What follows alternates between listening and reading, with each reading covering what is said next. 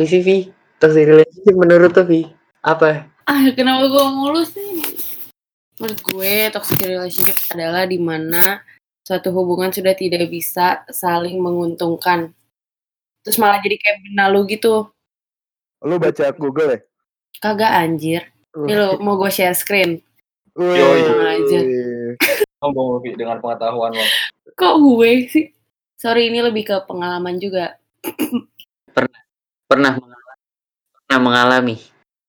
Oh, pernah. Sering sih kayaknya. Enggak, enggak. Eh, gue pernah kayaknya dua kali deh ternyata. Gue pernah dulu ada di toxic relationship. Di mana ya an- kalian kalian mengerti lah ya di saat-saat saya tidak bisa cabut nongkrong karena saya di call mulu.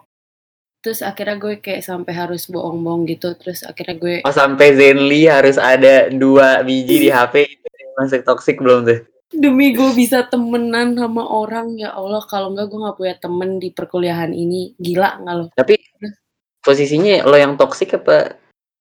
Lo Oh, pernah toxic kalau ini enggak lu nyerang gue lah? kayaknya gue pernah toxic deh gara-gara gue pernah ditoksikin ngerti gak sih jadi giliran udah nggak sama. Nah, ganteng loh. Lah hilang. Terus detik doang. Dia cuma cuma pengen ngomong anjay. Kayak gue gue merasa gue merasa gue pernah toksik karena setelah gue nggak ditoksikin gue jadi kayak nggak ngerti nggak ngerti gitu kayak gimana sih caranya lo harus nge-treat orang. Mungkin mungkin kayak kalau dia nggak posesif ke gue dia nggak sayang sama gue gitu. Jadi kayak toksik gitu kan. Oh jadi sekarang kenanya lo freak gitu ya? enggak gila lo enggak enggak toksik guys Coba kalau ini abang kita bersama anjay, Anjay. Niko. the king Ini kayaknya, ini kayaknya si King Obit dia yang toxic sih kayaknya sih. Bau aduh. toxic selingkuh, Apa apa? selingkuh tuh toxic gak sih? Hmm, gimana tuh Pi? Selingkuh toksik gak sih Pi? sini lo mau nyerang gue ya Enggak gue nanya. Kan kan lu Sekarang posisinya- Sekarang posisinya lagi nyerang Obit ke langsung aja sih kan. Selingkuh, selingkuhnya gimana dulu? Selingkuh tuh ada dua bro, ada selingkuh Hmm. fisik, selingkuh hati. Waduh. Tapi tuh justru yang bahaya tuh yang Yang bahaya yang ganteng. Aduh. Tapi tuh menurut gue selingkuh yang toksik tuh yang nih selingkuh yang bahaya itu selingkuh hati. Soalnya lo kayak udah mulai baper sama orang lain kan. Tapi yang toksik itu adalah selingkuh fisik karena lo jadi addicted gitu loh. Ngerti? Hmm. Selingkuh fisik kan biasanya kayak ah ntar paling gue balik lagi ke nih orang. Ah gue cuman sange doang gitu-gitu loh.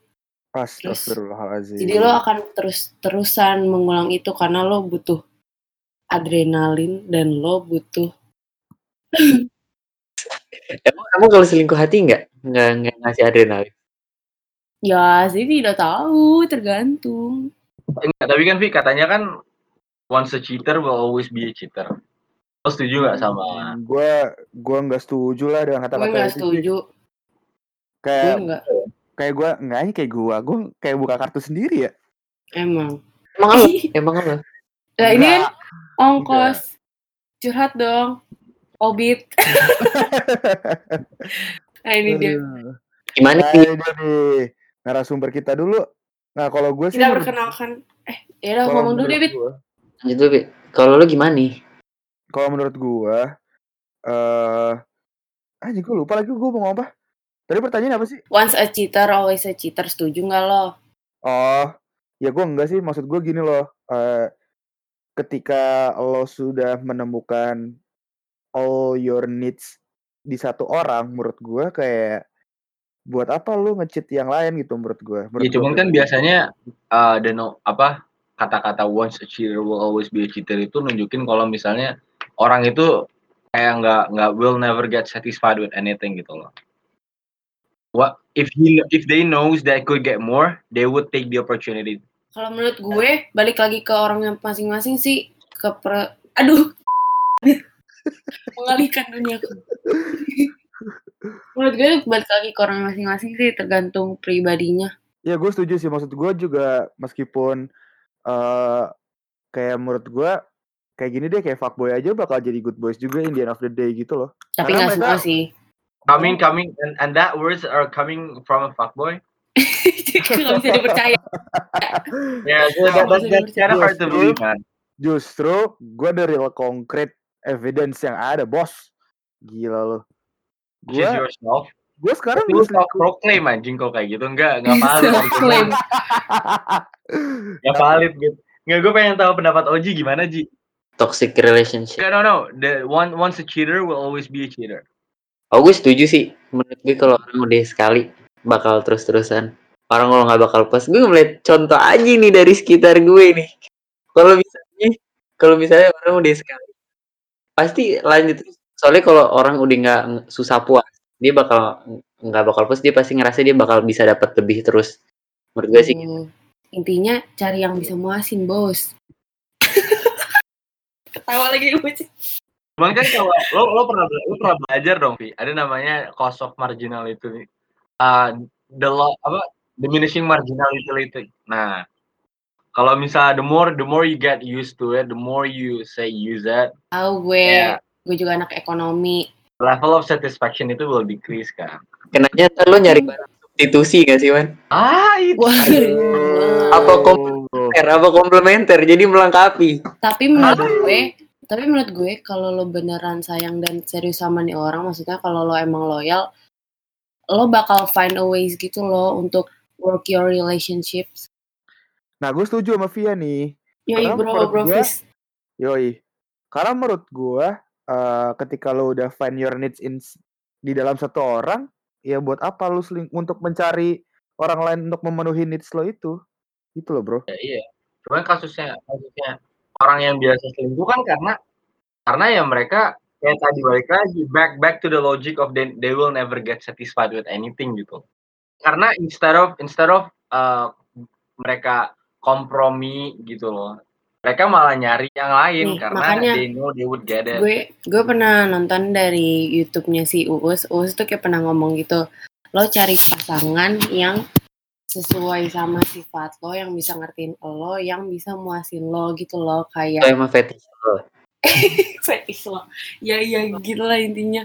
Jadi kayak lu ya lu gak akan bosen. Aduh mata gue sakit deh sumpah kayak ada apa gitu di depan gue Tapi ya nih, kalau misalnya kondisinya lagi baik-baik aja, lo merasa cukup nih. Tapi kalau misalnya kondisinya lagi nggak baik-baik aja, Ah, dan Bener banget. tough gitu. Biasanya kan godaan lo buat selingkuh itu kan kalau misalnya ada konflik atau ada masalah yang berkelanjutan di hubungan lo. ya lo jangan gue nggak tahu ya tapi kalau buat gue personally gue bukan bentukan yang kayak ah anjing gue kesel sama nih orang ah gue cari cowok lain ah buat pelampiasan Tapi gue kan, gitu sih Iya, ya nggak mungkin lo setiap berantem lo selingkuh juga lo sakit-sakit jiwa itu namanya.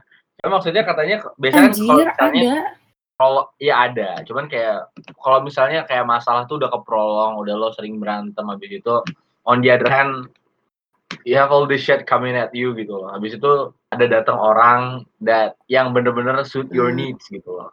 Jadi jadi terus kayak tiba-tiba eh, di satu sisi masalah lo hubungan lo lagi hancur dan lalu ada orang yang datang that suit your needs. What would you do gitu? Ini orang datang gitu, sementara hubungan lo hancur, iya lagi Itu dia tapi tuh. kalau gue Ya kalau misalnya ya lo ngomong bener kalau misalnya pacar lo pacar lo bisa fulfill your needs ya ngapain lo selingkuh gitu loh. Cuman kan kasus orang kasus orang selingkuh kan biasanya karena their partners couldn't fulfill their needs dan mereka kayak tadi Oji bilang nggak pernah ngerasa puas. Mungkin kurang gede apa kurang lama gitu. Wuh. Ah, Aduh. tapi kalau misal kalau misal hubungan gue lagi hancur nih gue lagi berantem berantemnya tapi gue ngejalaninnya sama orang yang gue mau ya gue nggak akan give up easily on my relationship unless my last relationship tuh rada toxic kayak gue give up Kalau Nah. gimana tuh? Kalau gua eh, go to selingkuh tuh kalau misalkan kayak misalnya ya yang tadi lo bilang di awal ketika gua find someone yang nggak bisa fulfill my needs kan. Tapi gue juga Your needs? ya my needs lah. your needs is Kalau boleh tahu kebutuhan lo apa sih? Ya banyak lah maksudnya ya tipikal orang inilah orang pacaran lah affection segala macam tuh gitulah. Kalau menurut gua kayak gua nggak tahu ya itu bisa dibilang toxic apa enggak. Tapi menurut gua jika lo memang Jikalau. Hmm. Hmm. Eh itu lagu ada ceritanya tuh sedih gue. Aduh. Aduh. Oke. Nah menurut gue kalau emang misalkan lu eh, f- gimana ya? Kayak misalnya taruhlah pasangan lu nggak bisa fulfill your needs, ya lu selingkuh. Ya sebenarnya tuh there's something wrong inside of you man, gitu loh. Jadi yang salah lo apa pasangan lo? Yang nggak bisa, yang salah yang selingkuh apa yang nggak bisa menuhin kebutuhan lo? Waduh berat tuh. Selingkuh lah yang salah sebenarnya. Selingkuh tuh udah pasti salah lah di mata mana pun menurut gue. Tapi, tapi Pendapat lain kan? Gue nanya doang. Enggak, enggak. Tapi, tapi, tapi menurut gue ya, kayak gue sama cewek ya, gue yang sekarang aja juga ber- berawal dari selingkuh juga gitu loh. Karena kan banyak soalnya cewek yang bilang kenapa selingkuh? Soalnya nggak bahagia sama cowoknya. Gimana? nih? I'm not that bitch. Eh tapi used to. used to. Berarti pernah. Cobalah Mbak Kaila langsung gimana pendapatnya Coba-coba ya kita panggil narasumber. iya, kita punya guest star nih. Oh iya, gestar. Gimana Gue sih? telepon dulu. Gue telepon nih. Ayo dong gestar. Eh, gue nggak tahu dia mau diperkenalkan sebagai siapa. Siapa tahu Ah. dia takut background check juga kayak Oh. Jadi kayaknya kayaknya Kayak ketakutan, ketakutan gue akan background check udah kayak percuma gitu loh. Kenapa? Kayak udah pasti ketahuan. ya udah nih, panggil Wan, panggil Wan.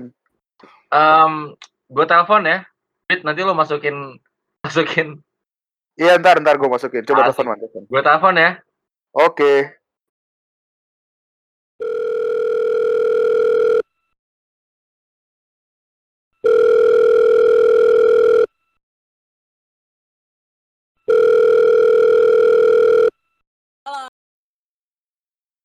Halo. Sih kalau Halo. ngomongin toxic relationship tuh selalu gue yang dipanggil jadi guest star ya?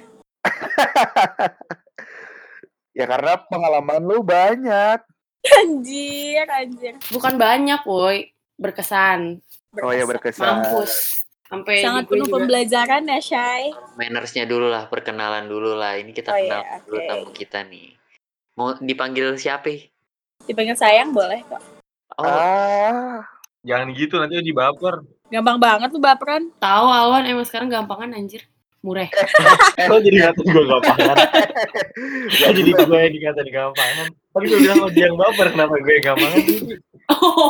Berantem lah. Ayo. Iya, halo. Nama gue Kayla. Gue Wih, apa terus? profe profesi lu apa sekarang? Mahasiswi. Wih, eh, Kai, Kai. Apa? Lu pernah mencari pelarian dalam selingkuh gak sih? Eh, bu- dari eh, lu pernah cari pelarian terus selingkuh gak sih? Dari pacar lo? Tapi pernahnya Pernahnya? ONS pas gue punya pacar kali ya paling mentok gue pernah. Aduh. ya sama aja anjing. Sama aja dong. Ya, nah, nah, nah, nih apa sih yang yang what led to that decision for lo bisa melakukan itu padahal lo punya pacar? Iya, kenapa? Apa-apa what led to that decision gitu loh?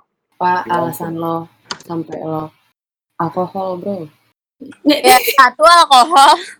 Dua, gue lagi berantem malam itu. Tapi kayak kasarnya itu terhitung sebagai selingkuh fisik kali ya. Jadi kayak gue nggak menaruh perasaan apa-apa dan gue jadi nggak membandingkan apa-apa gitu loh. Ya udah itu cuman kayak gak cuman sih sebenarnya itu kesalahan yang gue lakukan tapi gue nggak menjadikan itu sebagai habit dan gue mengakui kesalahan itu.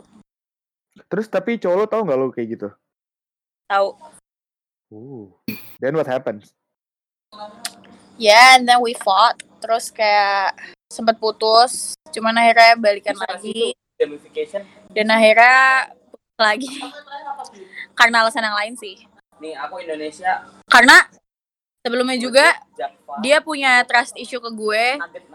Nah, ini dia nih yang bisa kita bahas sebagai toxic relationship. Trust issue dia ke gue itu bukan karena gue melakukan sesuatu kesalahan akhirnya dia punya trust issue, tapi karena dia yang melakukan kesalahan itu jadi dia nggak mau gue kayak gitu juga. Jadinya Oh, gue yang Nice. kurung, gue yang baik banget. segala macam kayak gitu-gitu. I felt that. Gue juga pernah merasakan, tapi kayaknya gue di posisi cowok lo deh. Karena yang baik lagi gue bilang, gue pernah ngerasain toxic relationship. Terus di toxic relationship tuh gue kayak diposesifin mampus-mampus.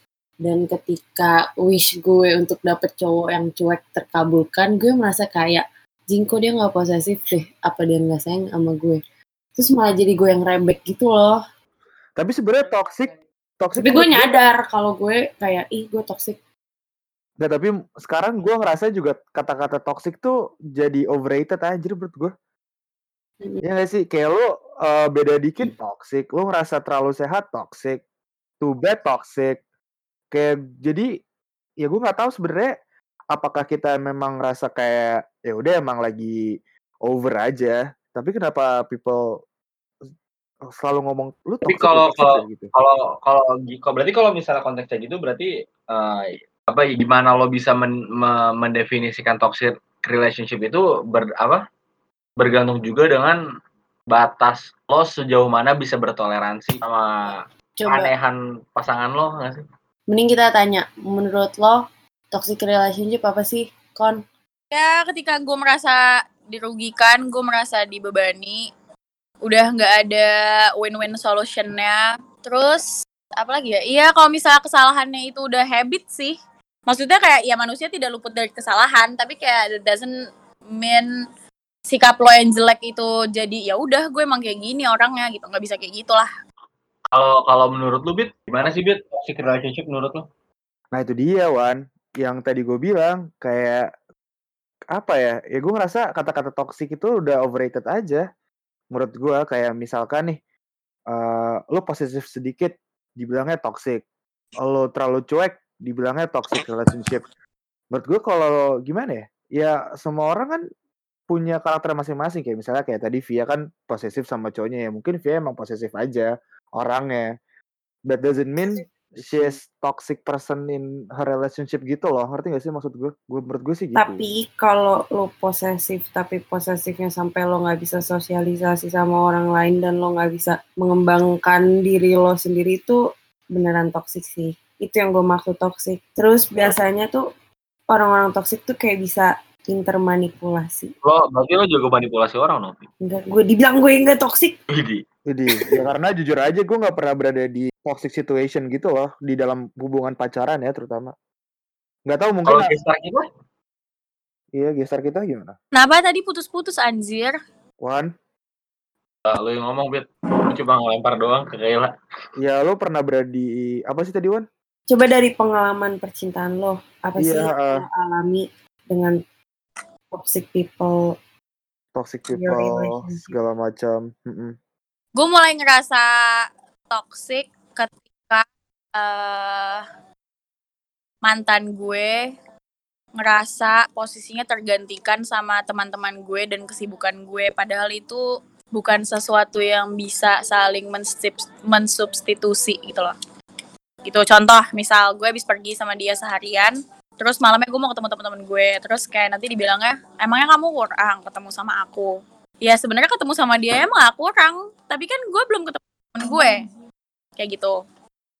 Terus misal kayak gue lagi sibuk ngurusin organisasi gue dan segala macam terus dia bilang dia merasa tergantikan. Ya padahal in the end gue nggak bisa nulis gue pacar dia di CV kan dan gue nggak bisa menjadikan itu sebuah pengalaman yang bisa gue jual dari diri gue ketika nanti gue apply pekerjaan dan segala macam kayak gitu-gitu sih.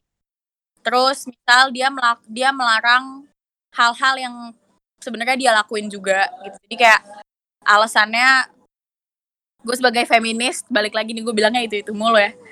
Kayak misalnya ya lu nggak boleh ngerokok karena lu perempuan. Lu nggak boleh minum karena lu perempuan. Udahlah jadi perempuan yang normal aja dan segala macem. Emang merokok dan minum tuh gak normal ya buat perempuan. Tapi maksud gue kan lo dari awal kenalan, berarti dia harusnya udah tahu dong sifat-sifat lo dan menurut gue lo juga tidak menutupi itu lo. Tapi menurut lo apa sih yang kayak membuat orang berubah di dalam hubungan itu? dia lebih ke nggak konsisten aja kali ya sama early agreement pada saat awal pacaran Hmm. oke. gitu jadi itulah yang membuat itu jadi toxic Tapi kenapa lo masih mau tapi kenapa lo masih mau bertahan di hubungan kayak gitu? Udah maksud gue kayak udah gak sih lo tinggal tinggalin terus cari orang yang baru gitu? kalau cari orang yang baru it's not that easy kayak maksudnya Berarti konteks lu pacaran tuh cuman siapa pun yang mau jadi pacar gua gitu kan. Kalau dia nggak mau, Maksud udah- gue kayak kalau emang lo udah gak nyaman ya buat apa pertahanin. Toh juga lo bisa atau mungkin lo lebih lebih bisa enjoy as a single person gitu loh. bodohnya gue pada saat itu adalah karena kayak mantan gue pernah kasar melakukan pengakuan dosa gitu ke gue. Tentang seberapa toksiknya dia dan segala macam terus kayak dia yang always cheated from another girl to another girl kayak gitu. Kayak, gue percaya harusnya dia berubahnya tuh di tangan gue gitu. Walaupun bukan karena gue cuman at least di saat menjadi pacar gue gitu. Even kayak terakhir gue putus ya maksudnya dia bilang dia takut kalau gue bakal sama teman-teman gue. Gue bakal gue dia takut gue bakal sama bakal pacaran sama teman-teman gue yang cowok dan segala macam terus kayak dia bilang gue bakal dap- cepet dapet cowok dan segala macam tapi ternyata kayak dia sendiri yang cepet dapet cewek dia sendiri yang sama temannya sendiri. Tapi sekarang lo lo masih di hubungan kayak gitu gak sih? Gue jomblo bro Wih, tepuk tangan dulu dong. yang yang yang mau yang mau lagi open lowongan gua kan boleh boleh kita promosikan di podcast kita Iya. Boleh nama Instagramnya kak? nama instagram gue at Kaila VM y nya double Nah tuh yang mau cari cowok, cari cewek, sikat aja tuh Instagramnya si Kayla. Tapi gue pengen ini deh. Gue setuju banget sama yang tadi dibilang sama Kayla ya. Kalau misalnya Nah. menurut gue apa sih lo ngelarang orang lo ngelarang sesuatu orang, tapi lo sendiri ngelakuin itu gue gak setuju banget. Kayak lo ngelarang sesuatu yang lo sendiri ngelakuin itu gue gak setuju banget sih. Kayak lo ngelarang dugem ngelarang rokok ngelarang minum tapi lo sendiri ngelakuin. Hak lo ngelarang tuh apa coba? Lo introspeksi dulu lah. Kalau misalnya lo udah baik baru lo boleh ngelarang-larang orang lain. Gila pengalaman banget tuh Ji. Mau lo udah baik juga ya lo tetap nggak boleh ngelarang-larang orang lain. Tapi kayak tapi menurut gua in the first place lo nggak boleh ngelarang di hub- suatu hubungan. Gue setuju sama Awan. tambah lagi kalau tuh orang sendiri juga ngelakuin. Ke, ke agreement awal lo pacaran kayak lo emang mau diatur dan mau mengatur segala macam atau gimana dan segala macam terus alasannya juga harus yang jelas ya kalau misalnya emang alasannya karena kesehatan misal ternyata dia nggak ngerokok terus dia ngelarang lu untuk ngerokok karena kasihan nanti paru-paru kamu ya itu masih lebih masuk akal lah kayak gitu. Kalau misalnya kalau misalnya balik ke ke konsen ya oke. Cuman menurut gue in general menurut gue pribadi you have no right lo nggak punya hak untuk ngelarang di suatu hubungan pacaran. Karena menurut gue ya pacar lo tuh belum jadi tanggung jawab lo gitu loh. Nah itu dia yang pengen gue omongin dari tadi. Gue setuju Jadi kayak- lo lo nggak punya nggak punya hak untuk ngelarang ngatur apa yang mereka lakuin ya karena kayaknya mereka bukan tanggungan lo. Jadi kayak they- they're still their own person. Ya ya menurut gue lo pacaran oke lo committed to each other. Cuman doesn't mean you have to dictate each other's life gitu.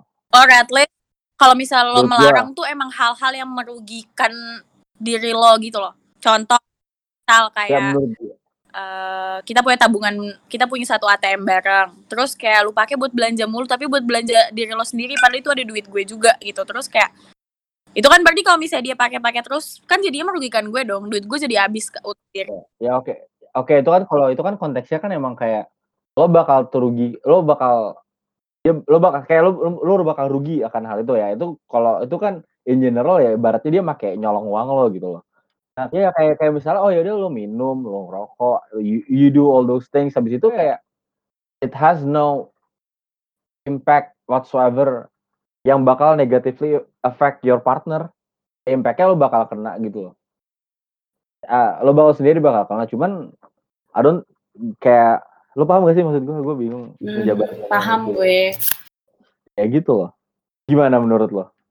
Hai. Em, gue sih ada beberapa hal yang masih gue terima ya kalau gue dilarang. Ya itu tapi balik lagi selagi emang alasannya logis dan masuk akal aja untuk gue. Gitu kalau menurut gue ya asal ngasih asal kasih masukan itu nggak ada nggak ada yang salah lo jangan minum nggak bagus oke cuman kayak kalau misalnya lo lo udah ngelarang sampai lo marah sampai lo bener-bener ngambil keputusan yang say material di hubungan lo karena hal tersebut menurut gue itu udah udah udah udah beyond your um, authority as a partner gitu. Itu biasanya toxic people tuh tend to create rules yang cuman menguntungkan diri mereka sendiri gitu loh. Karena mereka tuh pengen memiliki nih satu orang cuman untuk dirinya sendiri. Dia nggak rela gitu satu orang ini dibagi-bagi ke semua orang. Eh gimana sih ngerti gak? Atau mereka punya kebanggaan ketika mereka bisa dominate their partner gitu. Yes. Mereka suka mendominasi Wait, berarti kayak egois gitu nggak atau gimana? Iyalah. egois. Nih nih, gue gue gue ada beberapa ciri-ciri toxic people. Yang pertama, Gila Via pakar cinta banget anjir. orang mereka tuh cuma mau senangnya aja. Orang yang mau senangnya doang itu termasuk toxic people.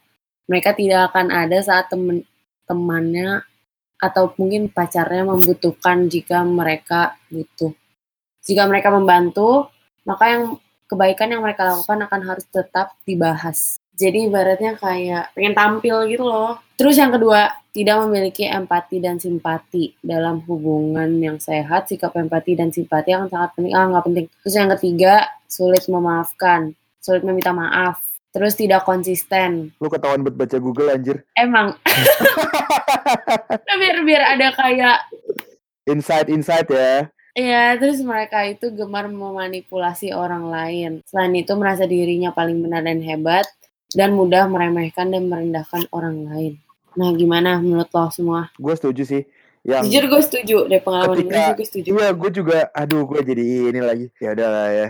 Gue juga, gue ngerasa dalam hubungan gue yang saat ini gue jalanin ya, terkadang juga pasangan gue tuh gimana ya? Gue juga nggak tahu ini toxic atau enggak ya, tapi sometimes eh, pasangan gue tuh terlalu ego aja sampai gue nggak ngerasa dihargain lah, atau gue ngerasa kayak gue gue tuh ngerasa kayak seek too much her attention lah, kayak apa ya? Kasarnya gue butuh validasi lah kayak ini anak udah sayang sama gue sih? Karena ya kok dia cuek banget segala macam segala macam kayak ya gue ngerasa kayak gue nggak dibutuhin aja gitu loh. Gue setuju sih sama yang itu. Cuman kalau misalnya you demanding too much of your partners, could that be like a sign of a toxic relationship? Kan tadi katanya lo pengen dibutuhin, lo pengen dibutuhin di hubungan lo.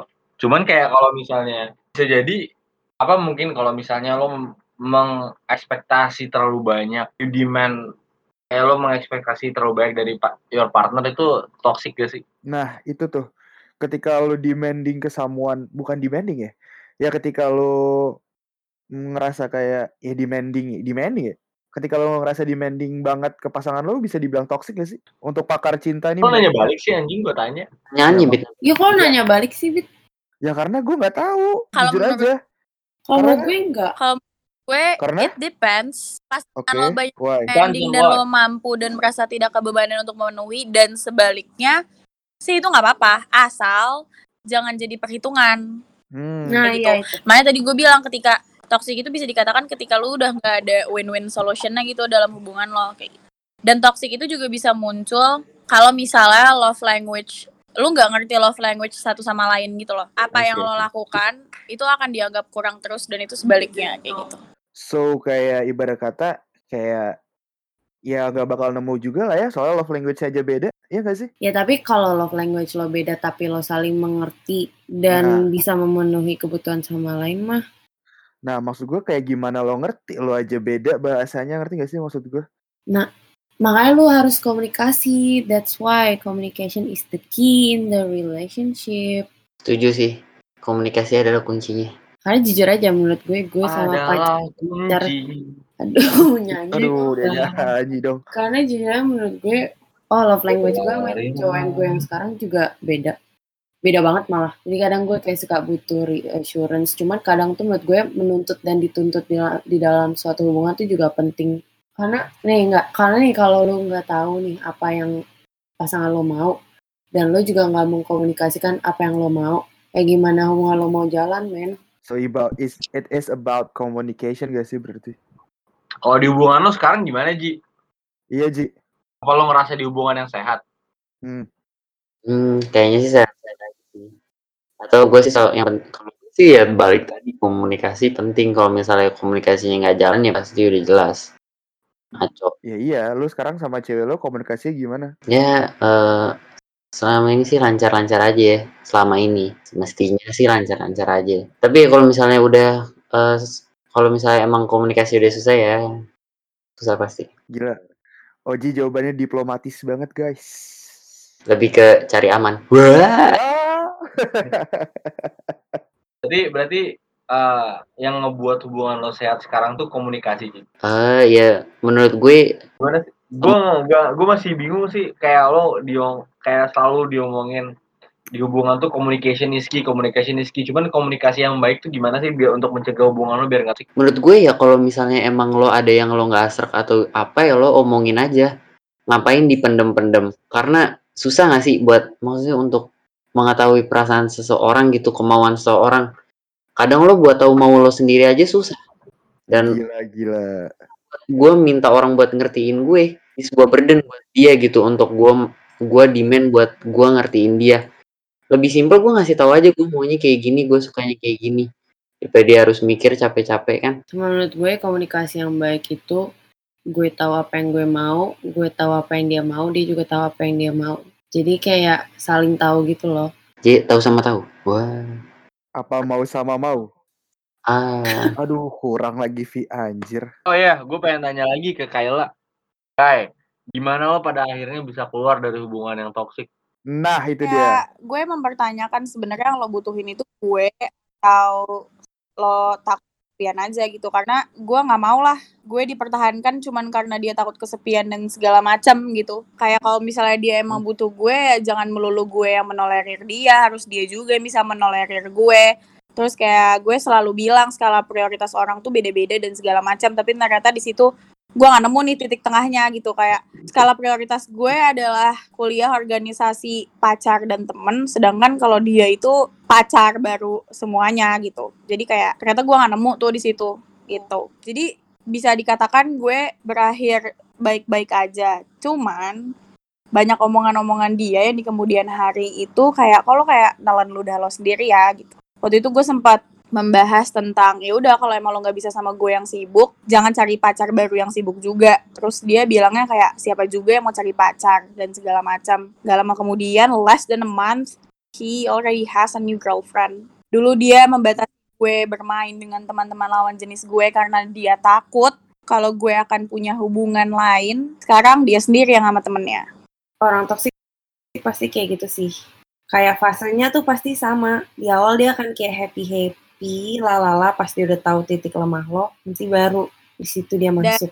kayak apa namanya berasa toksik masih berasa toksiknya sampai sekarang ketika dia udah punya pacar tapi he keep contact me gitu. Sekarang udah enggak sih. Beberapa beberapa minggu setelah putus dan setelah tahu kalau dia lagi deket sama cewek gitu ya. Dan dia itu hamin beberapa hari dia nyamperin cewek ke Jakarta dia juga masih mention ke teman gue. Kalau misalnya dia bilang dia nggak rela ngelihat gue deket sama cowok lain. Maksud gue kayak dude that doesn't make any sense at all gitu loh. Sumpah, sumpah egois banget anjing. Cuman kayak sekarang dia udah happy sih jadi gue kayak ya udah. Ya, you can Tapi be yang- happy with other else kok, santai. Ada kita. tapi yang gue sini. nggak suka adalah kayak lo yang bikin gue terpuruk ibaratnya lo yang bikin gue terpuruk sekarang tapi gimana sih ngomongnya? Kayak lo membuat gue terpuruk kayak gini terus giliran lo udah berhasil lo pergi dengan gampangnya terus cari korban lain. Kalau misalnya tadi Via bilang dia mencari korban baru kayak semoga aja gue tuh jadi korban terakhir gitu. Jangan sampai cewek barunya diperlakukan sama juga sama gue dan mantan-mantan dia yang lain dan segala macam. Terus kayak pacaran tuh selalu jadi pembelajaran gitu sampai akhirnya lu bener-bener menemukan jodoh lo. Jangan pernah ber- jangan pernah eh, niat pacaran untuk mempertahankan jodoh lo gitu. Karena ya no one knows. Ya itu. Justru di situ nggak sih dia buruknya. Karena mungkin dia terlalu mempertahankan sampai akhirnya dia merusak hubungan itu sendiri. Eh, kalau di hubungan gue sih enggak enggak gue enggak gue enggak ada yang kayak gitu. Hubungan lo yang mana nih? Yang terakhir lah kocak. Ya tahu yang baru siapa kok nggak ada gue? Eh, jadi gimana nih for closing? Gimana tutupnya gimana? Kayak gimana nih buat eh teman-teman kita yang neng- lagi dengan ah gimana nih yang buat sedang orang-orang- menjalani. Iya, yang ntar ntar. Gimana cara buat orang-orang yang kayak lagi dengerin yang lagi dengerin podcast kita nih biar terhindar dari toxic relationship gitu kayak It sounds cliche, but communication is key. Di komunikasi dalam artian kayak ya lo harus terbuka, jangan menahan, jangan dipendem lah segala macam. Terus juga cari jalan tengahnya, turunin ego lu. Lu lagi dalam hubungan gitu ya, lo nggak bisa mikirin diri lo sendiri doang. Ya mau nggak mau lu berpacaran juga harus ada yang lu korbankan lah. Pura-pura suka aja sampai lu suka beneran Nah. gitu, ngelakuin apa pun itu untuk mempertahankan orang yang lo sayang. tapi gue tapi gue to be honest kayak kalau yang gue lihat ya communication doang untuk orang-orang yang toxic tuh nggak cukup sih. Mereka pasti demand more. Apa ya lu udah seterbuka itu tapi kalau misalnya emang dia dari core-nya kayak udah toxic posesif mampus mau kayak gimana pun juga dia akan terus negatif ke lo sih. Kecuali dia pengen berubah dari dalam dirinya sendiri karena orang toksik tuh nggak bisa diubah sama orang lain jadi kayak lo nggak bisa ngubah seseorang kalau misalnya dia nggak ada niatan untuk berubah sendiri Oh ya pesan gue, jangan pacaran sebelum diri lo komplit. Jangan menjadikan pacar adalah pelengkap lo. No, he's not. She's not. Oke bro, oke bro, thank you banget nih Kai udah join di podcast kita sebagai narasumber. See you next time guys. on next episode Bye. Bye.